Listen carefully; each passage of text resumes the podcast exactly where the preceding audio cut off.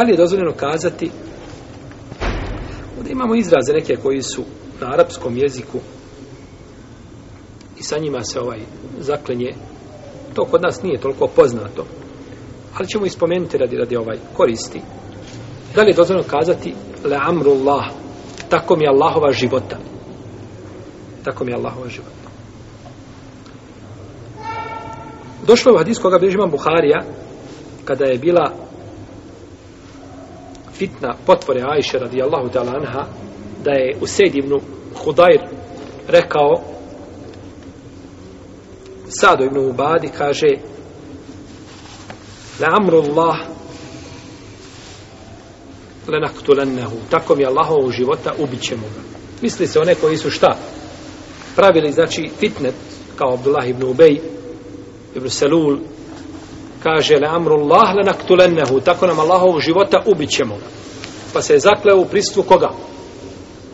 Poslanika sallallahu alaihi sallame le amrullah Allahovim životom. I to je dozvoljeno kod džumura islamskih učenjaka.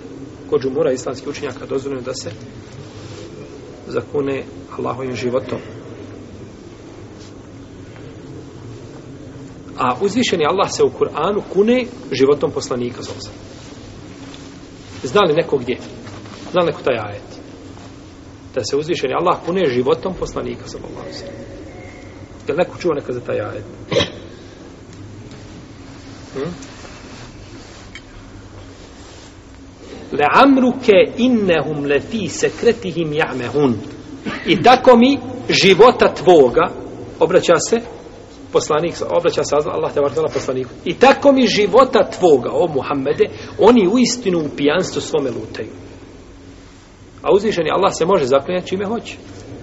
Pa kaže, o tini o zejtun, o turi sinin, kaže, o feđr, kaže, o duha, o lejli i da seđa, kaže o šemsi o duhaha والقمر إذا تلاها والنهار إذا جلاها والليل إذا wal والسماء وما yaksha was samai wama bana idan neste puta zaklinje uzvišeni Allah tu na različitim svojim stvorenjima.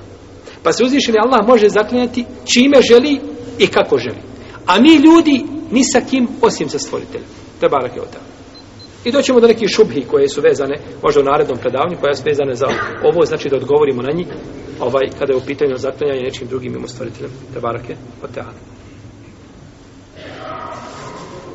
Pa je to Allahovo svojstvo, pa je dozvoljeno.